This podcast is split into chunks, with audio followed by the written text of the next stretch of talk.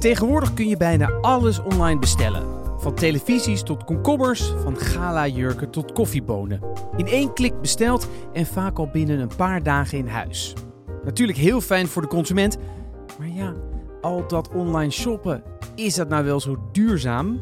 In de podcastserie E-commerce, gemaakt in opdracht van bol.com, bekijken we de huidige staat van duurzaamheid in de e-commerce.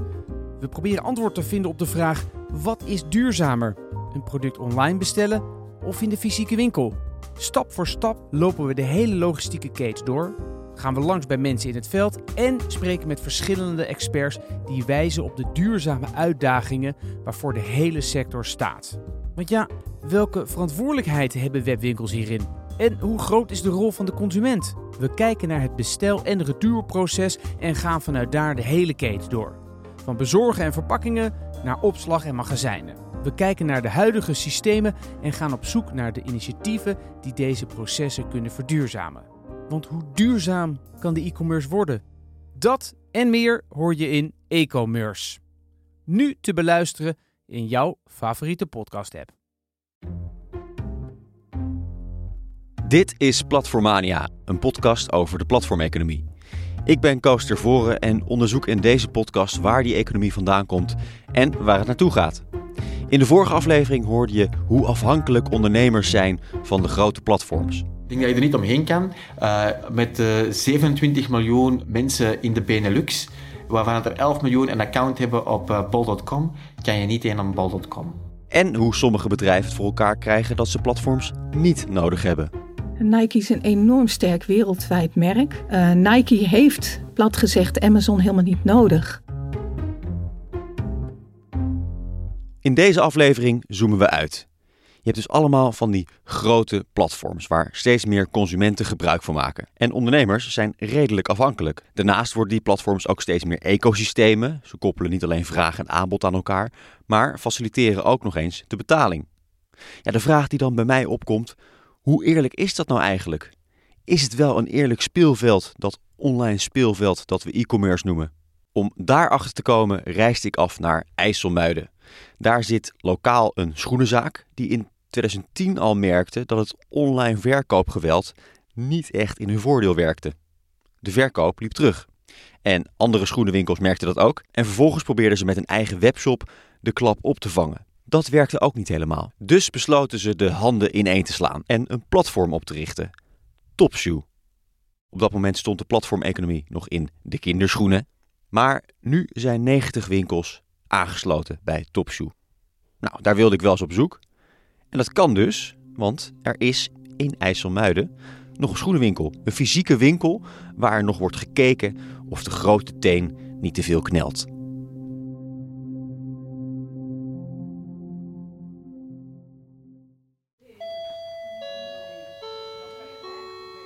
Ik dacht dat ik naar een, een online platform ging, naar, naar Topshoe, maar ik sta hier gewoon in een fysieke schoenenwinkel. Dat is nou precies wat Topshoe is.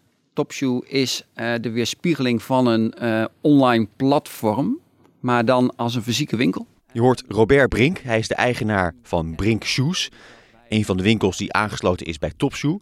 En Brink Shoes is een echt familiebedrijf. Ook moeders staat nog wel eens achter de balie. En, en, is het moeilijk om met, met zoveel partijen een platform te runnen? Of doet één iemand dat en zet de rest het gewoon online? Hoe werkt dat? Het is altijd lastig, hè? want uh, met hoe meer kapiteins op één schip, hoe lastiger dingen uh, te regelen zijn. Nou hebben wij daar wel een, een bestuur voor, gewoon echt een, een, een, een directie, een MT hebben we daarvoor. Uh, die regelen eigenlijk gewoon de zaken die geregeld moeten worden voor Topshoe. Uh, de, de deelnemende winkels, dat, dat zijn eigenlijk gewoon leden, zo moet je het zien. Je sluit je aan en dat uh, it. Maar goed, je moet het toch nog even uitleggen. Want ja, ik snap dat je zoveel jaar geleden dacht, we moeten misschien een platform gaan oprichten. Want ja, mensen willen graag online bestellen en we willen misschien ook een groter bereik hebben en samenwerken. Maar toch, tien jaar later toch, staan we hier nog steeds in een fysieke winkel. Dus waarom hebben jullie vastgehouden aan die fysieke winkel? Wij kunnen eigenlijk niet zonder die fysieke winkel. Kijk, het online verhaal doet voor mij 20%, 22% van mijn jaaromzet. Dus ik kan moeilijk zeggen voor die overige 78, 80 procent, uh, gooi ik de deur uit, doe ik de, de winkel dicht. Zo werkt het niet. Ik zie heel veel collega's die dus niet online verkopen, daar zie ik de collecties in de winkel kleiner worden, kleiner worden, kleiner worden. Omdat ze minder paren over de toonbank verkopen. Dat is gewoon een landelijke tendens. Dat gebeurt echt overal. Maar wat ze dan vergeten, op het moment dat ik minder schoenen in mijn winkel zet, dan raakt die klant nog minder geïnteresseerd in Brink. Ja? Dus dat is een cirkeltje waar je in komt en eigenlijk niet meer uitkomt. Laten we even het magazijn die kant op, of niet? Loop maar eens even mee. Even de slingers opzij. Ja. Dit is uh, het uh, stukje kindermagazijn uh, voor ons. Oh, ja. En dit is enkel en alleen, let niet op de troep hoor, want het, is, het staat echt bomvol. Het staat helemaal vol. Het staat echt bomvol. Dit zijn alleen maar kinderschoenen. Jeetje, ja, dit, ja hoeveel, hoeveel staan er hier? ik denk dat hier al gauw een 5000 paar staan. En hoeveel staan er dan in de winkel hiervoor? Uh, wij kopen gemiddeld zo'n duizend paar jongens, duizend paar meisjes per seizoen in. Dus dat zijn al 2000 alleen van dit seizoen. Plus spul wat je dan nog van afgelopen seizoen over had. Of desnoods nog van de winter daarvoor. Ja, ik denk wel dat je richting de, de nou, tussen de 4500 en 5000 paar hier, uh, hierop staan. Uh, en, en gaat dat percentage online verkopen wel omhoog? Ja, dat is de laatste jaren uh, flink gestegen. Dat was in het begin was dat echt, dat waren de dikke plussen. Dat waren echt uh, in, in 2011, 2012 waren dat echt de, de grote plussen in de, in, de, in de verkoop. En dat is eigenlijk de laatste vier, vijf jaar is dat voor mij de stabiele factor. Wij, wij, wij plussen niet, maar wij blijven qua omzetten stabiel. En dat is uh, in deze periode gezien in Schoenenland denk ik dat je dat uh, knap doet. Maar hoe kan dat, dat dat zich niet doorzet dan online? Want uh, steeds meer mensen kopen online. Het, het, online verhaal stijgt wel. Alleen dat houdt in dat mijn fysieke paren dus minder worden. Dus de verhouding, het begon ooit op, op, op 15% omzet uh, digitaal.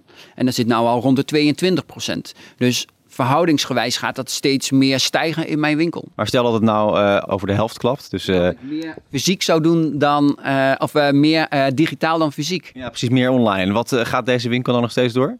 Ik, ik denk nooit dat ik de fysieke winkel helemaal weg zou doen. Eén, er zijn te veel mensen die nog steeds gebruik willen maken van de kennis.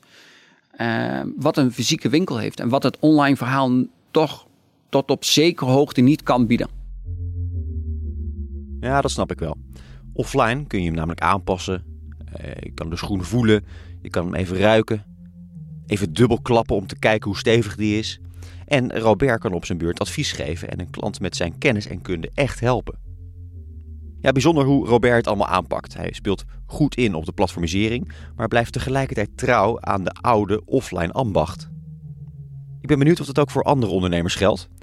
En dus sprak ik met Wijnand Jonge.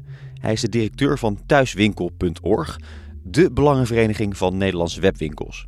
En je kent ze van dat kubusje dat je nogal eens onderaan een website vindt.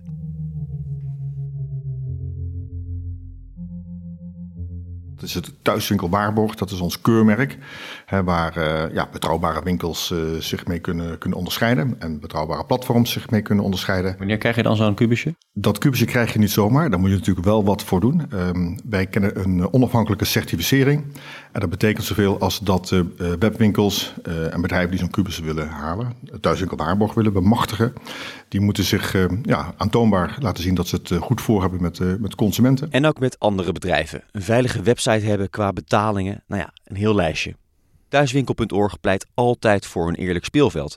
Maar wat houdt dat volgens Wijnand precies in? Je wilt iedereen toch een beetje gelijkwaardig uh, de strijd kan aangaan met elkaar. Hè? Dat heet gewoon competitie, dat is helemaal prima. Uh, je wil dat uh, zeker vanuit een Europees, maar ook Nederlands perspectief, hè, ja, dat, dat dat het spel eerlijk gestreden wordt met ook onze vrienden uit China en de Verenigde Staten, die vanuit die kanten op ons afkomen. Ja, soms met producten en, en, en namaakproducten en noem het allemaal maar op, waar de honden geen brood van lusten. Dat is oneerlijk. Ja, dat is gewoon oneerlijk. Hè. Dat soort oneerlijke handelspraktijken moet je zien te, te, te, voorkomen. Dat betekent dus dat je allerlei garanties aan de, aan de voordeur moet geven. Nou, uh, daar moeten platforms op ingericht uh, worden. Er speelt op dit moment enorm veel in de politiek gezien in Europa, maar ook in Den Haag, over hoe gaan we dat dan reguleren. Wat, wat vaststaat is dat platformen daar een grotere verantwoordelijkheid zullen gaan nemen. En dat moet om ook daarmee in staat te zijn om, uh, ik zal maar zeggen, om die partijen die dat allemaal niet zo nauw nemen, om die of buiten de deur te houden of om die te reguleren. Zijn bij jullie ook niet welkom? Nee, die zijn bij ons zeker niet welkom. Hè? Want je wil niet uh, een partij, een platform binnenhalen of een webwinkel ja, die met namaakproducten en met weet ik wat allemaal troep onze kant op, opkomt. Oké, dus die goedkope meuk om het maar even oneerbiedig te zeggen, daar moeten we voor uitkijken. Daar moeten de platforms zich volgens Wijnand ook tegen weren. Niet alleen om de consument te beschermen, maar ook de markt. Daar is Wijnand tenslotte de belangenbehartiger van. En is het niet eh, ook heel lastig om, om die hele uh, ja, vrij brede groep te vertegenwoordigen? Want uh, als je bijvoorbeeld kijkt naar het gewone bedrijfsleven, heb je VNO-NCW. En je hebt natuurlijk MKB Nederland, hè, dus voor de grotere corporates en voor de kleinere MKB'ers. Dat onderscheid kun je ook wel een beetje maken natuurlijk in de online wereld. Je hebt uh, grote partijen als Bob.com, Zalando, maar je hebt ook kleine platforms en kleine webwinkels. Uh, hoe zorg je er toch voor dat je die hele groep kan vertegenwoordigen? Nou, dat doen we door heel erg uh, onpartijdig uh, te staan tussen de platformen aan de ene kant en de, de, de verkopers op platformen en de webwinkels aan de, aan de andere kant. Kijk, het leuke van die hele nieuwe platformeconomie is natuurlijk dat zowel platformen en verkopers op platformen elkaar gewoon keihard nodig hebben. Het een kan echt niet zonder het andere. En dat betekent dat, het, dat je heel een krachtige vuist maakt in de richting van, van de politiek en in de richting van eh, van consumenten, van bedrijven. als je die belangen een beetje met elkaar in evenwicht kan, kan brengen. ik denk dat als je zou zeggen, nou laat de platform het allemaal voor zichzelf beslissen, dan schiet het denk ik heel erg door in de richting van, van het platform, het belang van het platform, is logisch. Doe je dat aan de andere kant uh, voor verkopers, nou, dan schieten die belangen heel erg door in de richting van verkopers. En dan is er niemand eigenlijk bij gebaat. En niet in de laatste plaats is denk ik de consument er niet bij uh, gebaat. Hè? Want die wil graag op zich uh, zaken doen met een platform. en die wil ook graag zaken doen met een verkoper. En soms loopt het door elkaar heen. En wie van al die bedrijven en platforms en webwinkels die jullie vertegenwoordigen, heeft eigenlijk het meest jullie nodig? Ik denk beide. Ik denk dat beide ons eh, heel hard eh, nodig hebben en eigenlijk ook niet zonder ons eh, kunnen.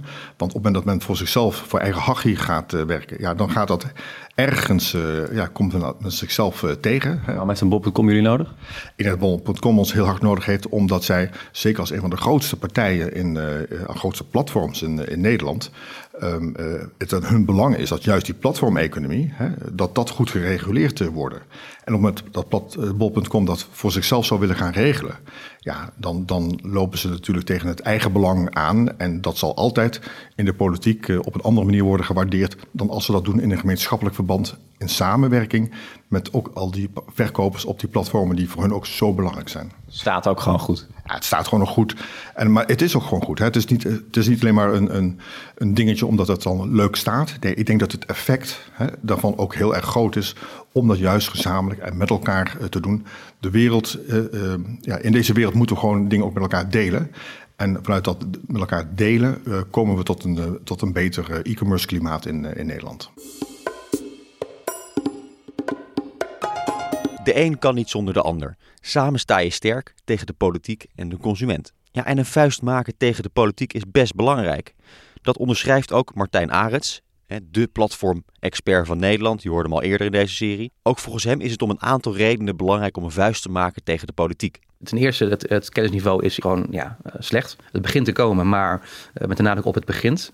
Uh, daarnaast zie je dat uiteindelijk ook die kennis uh, uh, niet horizontaal geborgd is. Oftewel, iedere ministerie doet zijn eigen onderzoeken, maar van elkaar weet niet waar ze mee bezig zijn. En daarnaast zie je ook dat het ook niet op de politieke agenda staat.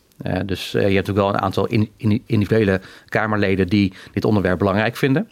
Maar ja, partijprogramma breed is het eigenlijk nergens, nergens geborgd. En dat zorgt ervoor dat het ook heel lastig is om daar ook bijvoorbeeld de juiste keuzes te maken, bijvoorbeeld op, op basis van beleid. Uh, want nu zie je bijvoorbeeld gebeuren dat bijvoorbeeld ja, de, de industrie heel erg goed is om ja, zichzelf te, te vertegenwoordigen. Uh, maar uiteindelijk er geen ja, gelijk speelveld is in kennis uh, in de discussie met beleidsmakers. Het was een tijdje geleden was er een, was er een Vlaamse minister die zei van ja, Airbnb die moet ons maar vertellen welke regels we moeten bedenken. Want wij hebben geen verstand van platformen. Nou, dat was natuurlijk hartstikke eerlijk, maar ook natuurlijk schandalig. Maar dat is natuurlijk geen uitzondering. Hoe komt het dat uh, er zo weinig interesse of uh, zo weinig kennis is uh, in de platformeconomie binnen de politiek? Ik denk deels omdat het gewoon een, een heel breed iets is. Ja, daarom zie je ook heel veel opmerkingen en, en, kamervragen heel vaak ja, op basis van heel erg exemplarisch bewijs. Van, hè, we zien iets, iets van Deliveroo, couriers, nou, we gaan het al op, op Deliveroo duiken. Er is dus weinig aandacht voor en het kennisniveau is niet om over naar huis te schrijven. Geen gelijk speelveld in kennis zorgt voor minder goed uitgedachte regels. Dat is de redenering van Martijn. En dat zorgt er onder meer voor dat platforms extreem hard kunnen groeien, over enorm veel data kunnen beschikken en door die twee dingen gecombineerd enorm veel macht hebben. Maar er verandert wel iets in veel sectoren wordt zeker die macht van platformen te, te groot. er is ook heel veel regulering nu uh, aankomend, vooral vanuit Europa, die ja, die platformen uh, dwingt om ja, bepaalde transparantie te bieden in bijvoorbeeld de algoritmes die bepalen op welke volgorde de zoekresultaten worden, worden, worden vormgegeven. Dus daar zie je echt wel wat langzaam maar zeker wat regulering. Uiteraard is de vraag daarna van, goh, maar hoe ga je dat handhaven? Want ja, regulering is mooi, maar als je niet kunt handhaven, dan, dan heb je er weinig aan. Um, maar ja, die macht is, is zeker, zeker, zeker groot. Kijk natuurlijk, als je kijkt naar ook ja, de mogelijke oplossingen daarvoor, zie je dat er eigenlijk nu vooral hel wordt, gezo wordt gezocht in, eh, in, het, eh, in het fenomeen uh, mededingingsrecht. Oftewel moeten ze opbreken. En eigenlijk is het ook natuurlijk al een soort van, van, van zwaktebod achteraf. Er zijn natuurlijk een aantal overnames geweest, zeker bijvoorbeeld binnen social media. Ja, waar je nu van kunt zeggen, goh, was het wel verstandig geweest dat bijvoorbeeld... Facebook, Instagram. Ja, precies dat. Ja, ja, ja, ja dat. En, en daar is natuurlijk ook het, probleem dat platformen natuurlijk heel erg goed zijn in hun marketing en, uh, en ook in hun, in hun lobby. En ook gewoon heel erg veel geld in, in, in, uh, in steken. Uh, en ook vaak de, andere partijen die de regels maken, vaak ja, die informatie gewoon ontbreekt. Of in ieder geval zwaar uit balans is, de informatiemachtsverhouding. Um, dus ja, de, die discussie over macht zal de komende tijd nog zeker, zeker voortduren. Ik denk, en daar, daar hebben bijvoorbeeld Europese platformen denk ik vaak wel misschien meer baat bij dan, dan, dan niet-Europese platformen. Uh, kijk, een, een platform als, als, bol.com heeft, heeft vermoedelijk heel veel baat bij nieuwe regels. Waarom? Omdat die natuurlijk in principe al vanuit de Europese context opereren. Zich al, ja, ook al uit zichzelf al bepaalde ja, waarden hebben geïmplementeerd in, uh, in hun platform. Waar bijvoorbeeld ja, een, een platform als, als bijvoorbeeld AliExpress veel minder mee heeft. Dus ik kan me voorstellen dat zeker ook in ieder geval binnen Europa, dat juist Europese platformen zich waarschijnlijk zullen gaan lobbyen voor meer, voor meer regelgeving. Om ze daarmee ook beter te kunnen onderscheiden ten opzichte van bijvoorbeeld de Chinese concurrenten. Dus een bol.com, andere platforms en andere webwinkels hoeven niet per se te strijden tegen de overheid. Hoe meer regels, hoe beter ze zich kunnen weren tegen alles wat uit China komt. Maar ze moeten wel opschieten, want als er nu nog allemaal regels moeten worden verzonnen, tja, dan is dat rijkelijk laat. Kijk, als er iets nieuws komt, kun je zeggen van goh, we gaan het gelijk plat reguleren. En daarmee hou je, ook heel veel innovatie tegen. Maar als je iets laat gaan, is het risico dat ze op een gegeven moment een ongelijk speelveld hebben in concurrentie. Uh, en als je te laat bent. Uh, dus volgens mij kun je ja, als, als, als beleidsmaker nooit de juiste timing hebben. Het is nooit goed. Uh, of je bent te laat en je bent, of je bent te vroeg en je bent een innovatiekiller. Of je bent te laat en je bent een, een ingeslapen in ieder geval dinosaurus. Dus dat is, is ook denk ik wel van meegeven richting ja, toch, toch, toch een stukje heads up voor de beleidsmakers. Het is ook gewoon lastig die timing. Maar ja, er moet nu echt wel een slag eh, gemaakt worden. Uh, en als ik kijk nu binnen Nederland hoe weinig urgentie er is uh, binnen politiek. Hoewel je dat ook in, in andere landen wel al voorbeelden ziet waar de overheid wel al experimenteert. Maar hier zit het echt nog heel erg in de ja, 0.1 fase, zal ik maar zeggen. Om dat gelijke speelveld te creëren tussen platforms en ondernemers, maar ook tussen platforms, moet er dus nog wel het een en ander gebeuren. Even terug naar Robert van Brinkshoes en Topshoe. Want hij neemt het heft dus in eigen handen en probeert weerstand te bieden tegen grotere platforms. Wat ik me wel afvraag, waarom?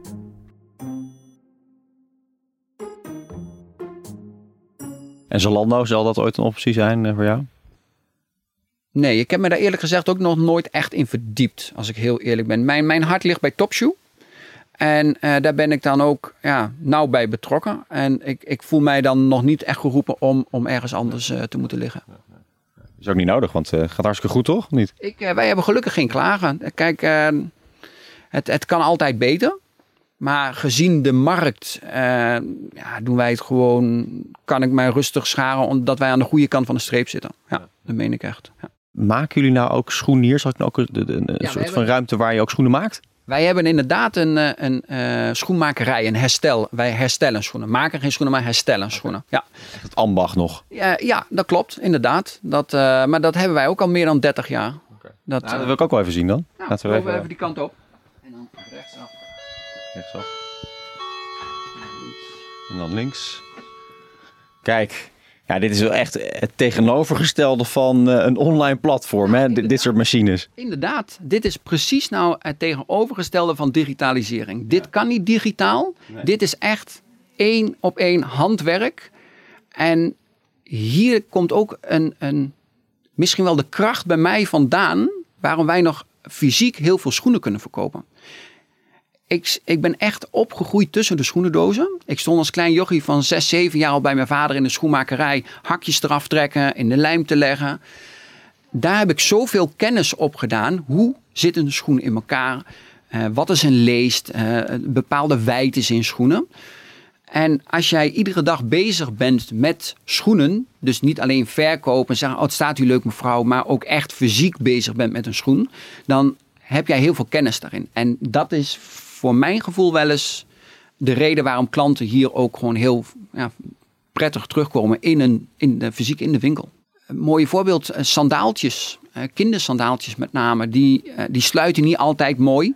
Ouders vinden dat ja, een leuk sandaaltje, dus wat zeggen ze, ja, die moet het worden wij hebben dan de service, wij halen de bandjes los, verzetten dat netjes, maken het echt ja, tot achter de komma oké. En dan kan het voor ons ook fijn de deur uit. Ja? Dan hebben wij daar zelf ook een goed gevoel over. En dat zijn puur de dingen dat wij dat kunnen, omdat wij eigen schoenmakerij hebben. Dat is echt een, een extra verlengstuk voor je service. Ja. Het lekker blijven doen dan. Uh, nou, dat, uh, dat proberen wij nog heel lang uh, vol te houden, inderdaad. Ja, absoluut. Dat, ja, dus over tien jaar nog steeds Topshoe online, maar ook uh, Brink als fysieke winkel? Uh, ja, dat, dat denk ik wel. En uh, misschien wel in een andere vorm. Misschien is het dan geen Brink meer, maar Brink by Topshoe of Topshoe by Brink. Dus meer het, het, de platform meer naar de fysieke consumenten krijgen. Dus meer fysiek op straat, in het straatbeeld zichtbaar te krijgen. Zalando is er ook mee bezig. Hè? Die, en, en de Coolblue. Uh, eerst alleen pure online speler, maar vervolgens steeds meer fysieke winkels. Dus ook die jongens maken de omschakeling van het online verhaal zichtbaar naar, de, uh, ja, naar het straatbeeld. En ik denk ook dat dat de enige manier van overleven is voor een kleine zelfstandige in de toekomst. De enige manier, dat klinkt vrij droevig, maar zo is het toch niet helemaal. En dat topshoe draait als een malle. Mensen komen nog steeds naar de winkel voor sandaaltjes. En ik stelde Robert de vraag hoe dat er dan over tien jaar uitziet. Anders, zegt hij. Ja, dat geloof ik ook wel. De platformeconomie blijft zich razendsnel ontwikkelen. Maar hoe het er precies uit gaat zien over tien jaar, dat hoor je niet in de volgende aflevering, maar in aflevering 6. De volgende aflevering gaat namelijk over arbeid. Want een economie is geen economie zonder mensen die eraan werken. Maar wat vraagt de platformeconomie van mensen en hoe ontwikkelt zich dat? Hoe kun je jezelf nu het beste scholen als je later wil vlammen in de platformeconomie? Nou, dat in de volgende aflevering van Platformania.